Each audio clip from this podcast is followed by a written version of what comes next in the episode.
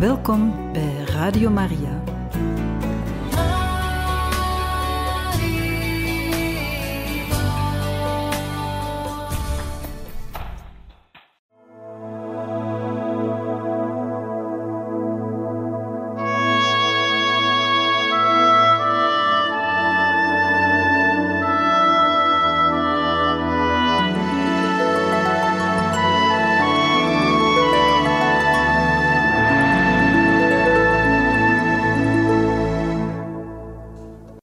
Liberaal-katholieke studies in Leuven.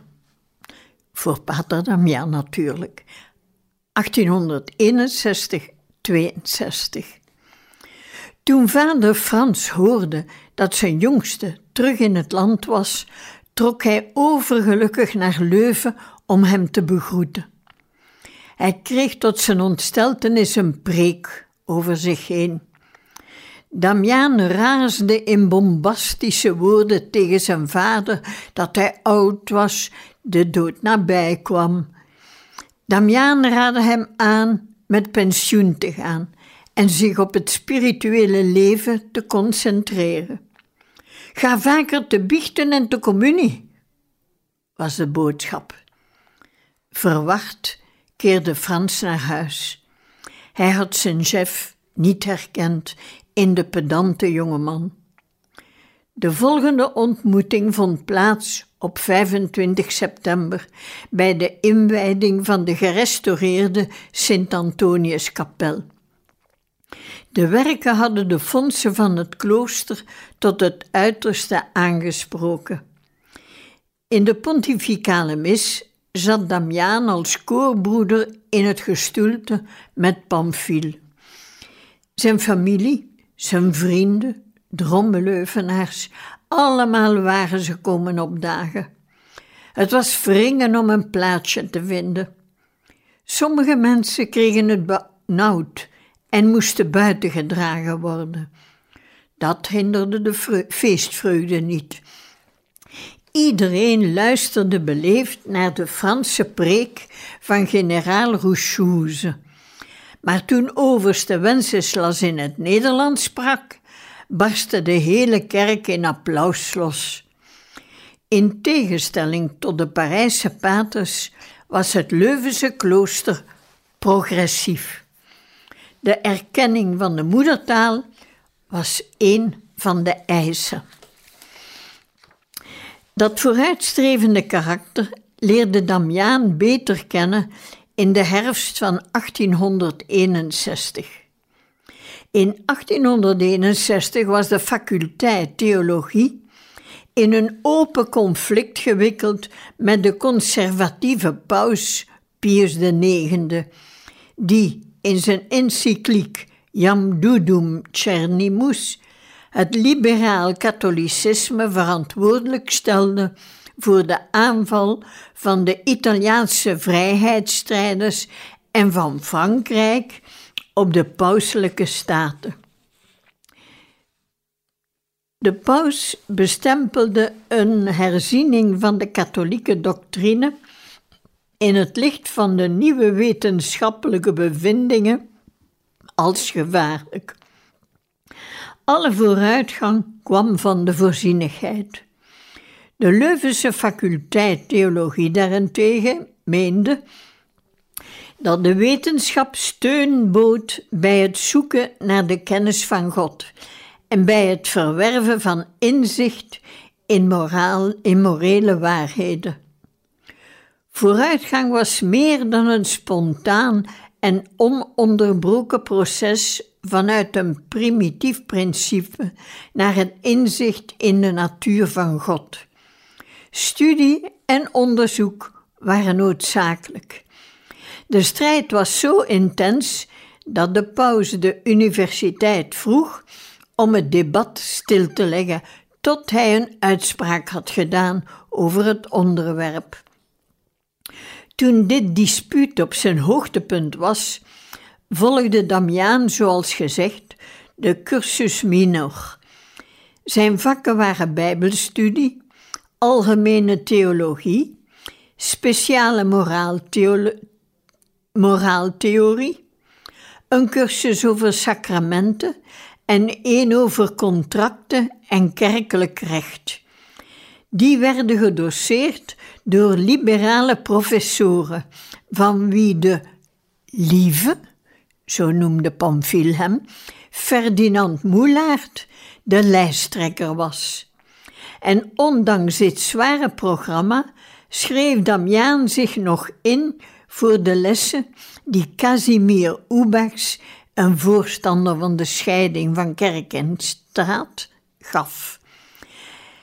In de zomer van 1862 werd die door het Vaticaan gedwongen op vervroegd pensioen te gaan.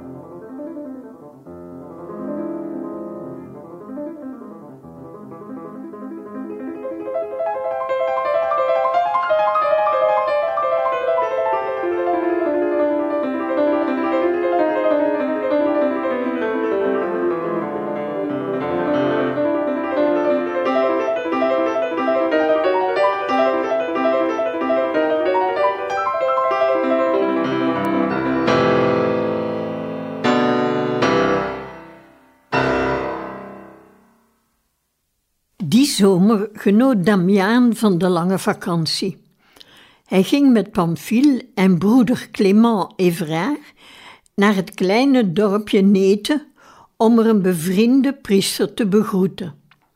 Ze trokken te voet door het bos van Heverlee.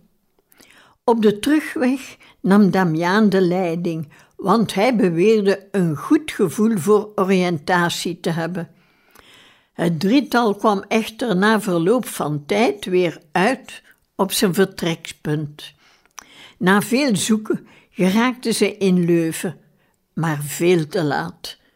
Er volgde een fikse straf.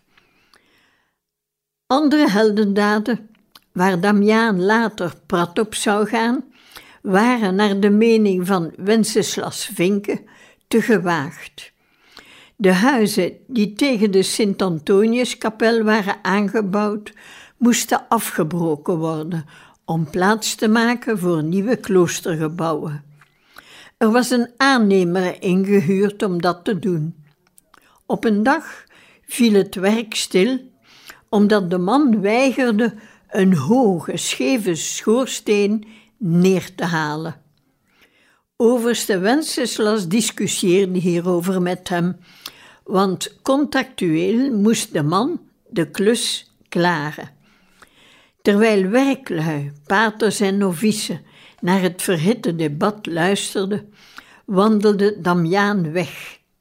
Hij kwam met een hamer en een ladder terug, zette de ladder tegen de schoorsteen, vroeg een vriend hem vast te houden en klom omhoog. Toen Damiaan halverwege was, Boven beval zijn uiterste hem terstond naar beneden te komen. Damiaan deed alsof hij het niet hoorde, of hoorde het bevel inderdaad niet. Hij was nu bovenaan en begon met de hamer tegen de bovenkant van het bouwsel te kloppen. Gestadig kwam hij naar omlaag en hield pas op toen het labiele stuk in puin lag. Iedereen applaudisseerde. Mon Dieu, quel homme, riepen de Franse paters. Maar Wenceslas vond dat de koppige Damiaan ongehoorzaam was geweest. Aangezien hij zijn eeuwige gelofte had afgelegd, kon hij niet meer weggestuurd worden. De man moest wel ingedoomd worden. Damiaan begon in oktober 1862 aan de Scola Major, de echte universiteit. Hij kreeg nu moraaltheologie van Dollander, een prof die hij ook in de cursus minor had gehad. Deze baseerde zich op de leer van Thomas van Aquino en volgde hiermee een oude traditie van de Universiteit van Leuven. Maar Damiaan en Pamphile dweepten vooral met Johannes Bele, die Hebreeuws gaf. Zijn commentaar op de brieven van de heilige Paulus aan de Romeinen werden alom geprezen. Ook hij was een van de leiders van de semi-traditionalisten, zoals men de Leuvense progressieven noemde. De enige conservatieve professor was Henri Fay, die kanoniek recht gaf, met als specialiteit huwelijksrecht. Hij stelde zich zeer streng op tegenover gemengde huwelijken. Katholieken hoorden met katholieken te huwen. Al deze professoren waardeerden Damiaans gerichte vragen.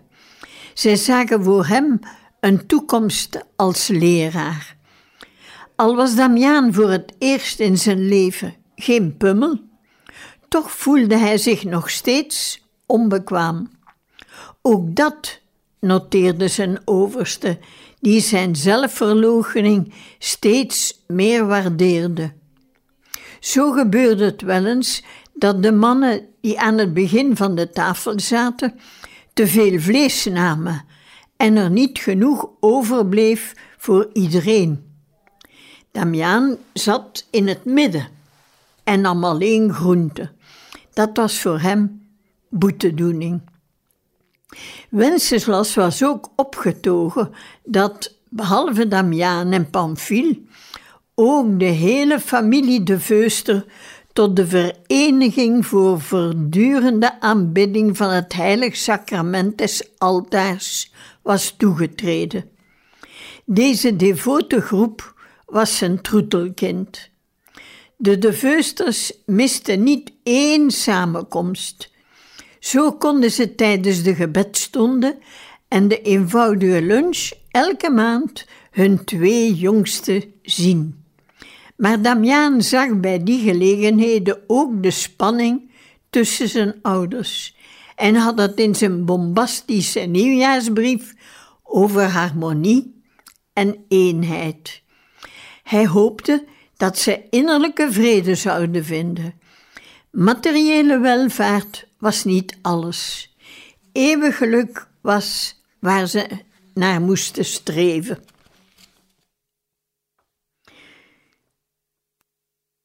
Twee maanden later was Pamphile klaar met zijn studies en werd hij priester gewijd. Op 1 maart volgde de hele familie de vrienden en dorpsgenoten in de kloosterkerk Pamphilus eerste mis. Na de dienst bood Wenceslas de familie een kleine receptie aan. Damiaan voelde dat hij ook iets moest doen en dacht aan de schapulieren die in de berging lagen. Zijn familie zou dit stukje gewijde stof op het hart kunnen dragen als een blijvende herinnering. Hij kreeg toelating van de overste om een aantal van die memento's te mogen uitdelen. Met een brede glimlach gaf Damiaan iedereen een schapulier en trots keek hij toe hoe heel zijn familie het hoofd voor Wenceslas boog, terwijl die de schapulieren zegende. De overste had ook een geschenk. Damiaan en Pamphile mochten naar huis. Als Cato het gedaan kon krijgen, mocht Pamphile de mis opdragen in de kerk van Tremelo. Thuis trok een stralende Cato onmiddellijk naar de pastorie om alles te regelen. Die dag zou een nieuw hoogtepunt worden. Het was een mooie lentedag. Damiaan en Pamphile en nog enkele pikpussen stapten voor de kerk van Tremelo uit de gehuurde koetsen. Pamphile deed de mis zonder haperingen. Zijn preek was lang en ingewikkeld, met veel Franse en Latijnse woorden. Cato verstond het Latijn niet, maar was apetrots op haar geleerde zoon. Tijdens de communie hoorde ze de ogen eerbiedig neer te slaan, maar toch lonkte ze naar haar jongen, midden in de twintig, nog zo jong, die de heilige hostie omhoog hield. In Ninde was de tafel als voor een kermis gezet met taarten, koeken, jenever en bier. De religieuzen en leken die uit de kerk kwamen, vertrappelden meteen het hagelwitte zandtapijt dat over de rode plavuizen lag. In een oogwenk was de tafel leeggegeten. Dan zocht iedereen een stoel. Pamphile kreeg de zetel die van bij oom Jacob kwam en ging plechtig zitten. Frans moest aandringen voor hij zijn zoon kon overtuigen om het keurig voorbereide sermoen te houden. Het werd een lange monoloog, vol citaten in vreemde talen. Cato bleef trots, heel lang, tot ze zag dat iedereen zich verveelde. Toen hoopte ze alleen nog maar dat, van, dat Pamphile een eind zou maken aan zijn onverstaanbare toespraak. Toch was dit bezoek het moment van glorie dat ze nodig had, want over enkele maanden zou ze hem voor het leven verliezen.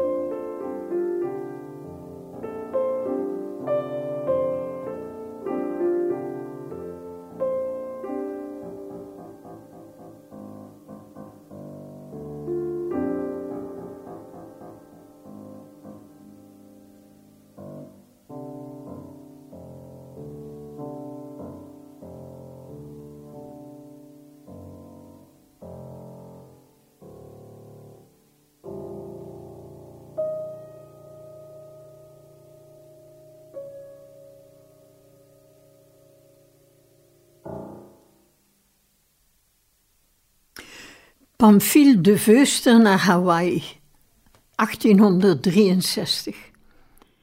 Pamphile zou met Chrétien Willemsen, de man uit Kalmthout die samen met Damiaan zijn eeuwige gelofte had afgelegd en al priester was, naar de Sandwich-eilanden reizen, samen met nog twee ongewijde broeders, Clément Evrard en Liévin van Heteren.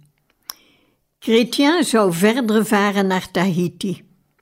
Ze wisten nauwelijks iets over Hawaii. Het enige document dat ze konden inkijken was de brochure van pater Frézal Tardieu, die Pamphile zes jaar tevoren had aangezet om tot de Picpusorde toe te treden. Nu herlas hij de visie van de congregatie en die stemde niet noodzakelijk met de werkelijkheid overeen. Nog geen honderd jaar eerder, in 1778, had de Britse kapitein Cook de vulkanische archipel ontdekt. Die was bewoond door kannibalen, beweerde Frézal. De katholieken begonnen hun missie in 1818 toen de kapelaan van de Franse oorlogsbodem Uranie twee chefs had gedoopt. Hiermee bewees Tardieu in zijn boekje dat de katholieken een jaar voor de succesvolle protestanten met hun missioneringswerk begonnen waren. De protestanten drongen hun puritanisme op aan de onschuldige bevolking, terwijl blank kanalje, prostitutie en dronkenschap invoerde. De katholieken werden vervolgd tot de Britse consul voor een Ierse pikpuspater de toestemming verkreeg om zich te vestigen. Toch werden de paters Bachelot en Maigret in 1837 uitgewezen. Bachelot stierf op zee. In 1839 kon een Franse kanoneerboot de vrijheid van godsdienst afdwingen. De boer van Picpus-generaal Euthym Rouchouze, Etienne, werd tot bisschop benoemd. Hij bracht een werkbezoek aan zijn missiegebied en besloot terug te keren naar Frankrijk om er te pleiten voor een massale missionering. Hij slaagde in zijn opzet, maar op de reis naar Hawaii verging de boot van de Picpus-congregatie. Toen alle hoop op overlevende verloren was, werd Maigret tot bisschop van de Sandwich-eilanden gewijd. De katholieken werden niet langer vervolgd. Koning Kamehameha III had zelfs land gegeven voor een jongensschool. En de toenmalige koning Kamehameha IV had met zijn echtgenote koningin Emma een tedeum bijgewoond dat gezongen werd voor de aankomst van de eerste groep Picpuszusters die in Honolulu een meisjesschool gingen oprichten. Op Christus Koning was er een processie door de straten van de hoofdstad getrokken. Koning, koningin, het hele hof, het diplomatieke korps, de regering, tot zelfs de Anglikaanse bisschop toe hadden de prachtige stoet bewonderd. Damiaan was zo graag meegegaan. Dievin en Clément waren tenslotte ook niet gewijd. Toegegeven, ze stonden voor op studiegebied. Op elk vrij moment ging hij bidden op het oxaal van de kloosterkapel van Sint Laurens voor een gordijn waarop Franciscus Saverius, de patroonheilige der missionarissen, was afgebeeld. Novicemeester Capre Verhagen vroeg hem waarom hij dat deed. Ik doe versterving, boete, zoals de regel dat eist, legde Damiaan uit. Ik wil mij de deugden van Franciscus Saverius eigen maken. Damiaan was gegrepen door religieus vuur. In zijn brieven naar huis raadde hij zijn ouders almaar sterker aan een streng christelijk leven te leiden. De laatste zomer van Pamphile in België was bewogen. Een van de lievelingsprofessoren van de De Veusters, Ferdinand Ledoux, stond onder zware druk, onder zware druk van de ultramontanen, de conservatieve katholieken, vanwege zijn theorieën over de fysische noodzaak van de openbaring. In augustus 1863 werden in Mechelen katholieke congressen gehouden. De ontwerper van die vergaderingen was professor Muller, een graag geziene gast in het klooster. Tijdens de vergaderingen pleitte de Franse graaf de Montalembert, een medewerker van Lamennais, voor een scheiding van staat en kerk. De conservatieven waren woedend. Het Leuvense Picpusklooster juichte. In datzelfde Mechelen ontving Damiaan op 19 september 1863 in het aartsbisschoppelijk paleis de lagere orde ter voorbereiding op het priesterschap. Hij werd verheven tot de rang van acoliet en kreeg de tonsuur. Enkele weken later begon hij aan het tweede jaar van de Scola Major, zijn derde jaar universiteit. Omdat Pamphile eind oktober zou vertrekken, trachten de twee broers zoveel mogelijk tijd in elkaars gezelschap door te brengen. Maar enkele dagen voor het vertrek werd Pamphile ziek. Hij had koorts, gaf over en had diarree. Omdat dit een vorm van tyfus kon zijn, al was er geen epidemie, verklaarde de arts hem ongeschikt voor de reis. Hoofdstuk 4 Overhaast vertrek naar Hawaii 1863 1864. Het afscheid, herfst 1863. Damiaans gedachten raasden. Als Pamphile niet kon vertrekken, kwam er een plaats vrij. Hij moest nog twee tot drie jaar universiteit doen, maar was wel een volwaardig lid van de congregatie. Clément en Liévin waren ook niet gewijd en Hawaii had oogsters nodig. Hij kon Pamphiles plaats innemen. Hij legde deze redenering voor aan overste Wenceslas. Die wees haar categoriek af. Damiaan was nog niet klaar. Hij was nog groen achter de oren. Bovendien zou hij leraar worden. Er was geen sprake van enige ruil. Damiaan was teleurgesteld, maar bleef niet bij de pakken zitten. De regel schreef voor dat hij zijn overste moest gehoorzamen, maar zijn algemene overste stond hoger in rang dan die van Leuven. Niets verbood hem om aan generaal Rouchouze hetzelfde voorstel te doen. Het schrijven van de brief was moeilijk. Hij moest de generaal doen inzien dat zijn, dat zijn vertrek de orde ten goede zou komen. Damiaan zag één argument. De overtocht van Bremenhaven, van waaruit de boot zou vertrekken naar Honolulu, kostte duizend Franse francs. Een fortuin. Kon de orde zich door het wegvallen van Pamphile een dergelijk verlies wel veroorloven? In België hadden de pikpussen hun scholen al moeten sluiten wegens geldgebrek. De anticlericale Franse overheid trachtte de geldstroom naar de kloosters af te sluiten.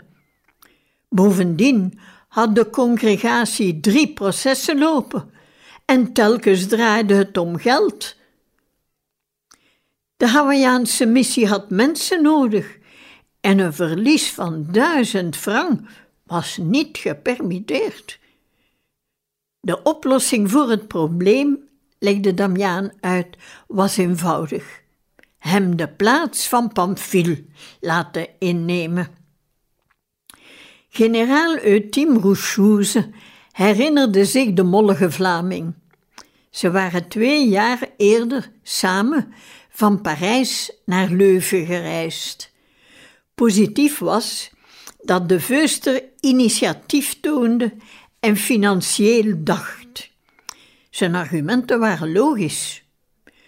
Negatief was dat zowel Clément als Liévin niet hoog scoorden en Damiens nog alles moest bewijzen.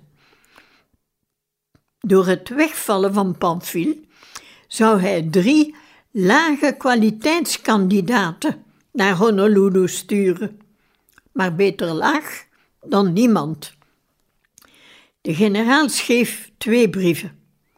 In zijn schrijven naar Honolulu, dat hij met een snelle klipper verstuurde, meldde hij aan bisschop Maigret dat zijn verwachtingen niet te hoog gespannen mochten zijn. Hij stuurde geen kwaliteit, maar er kwam toch vijf man, onder wie drie toekomstige priesters. In zijn tweede brief gaf hij Wenceslas het bevel Damiaan uit te sturen.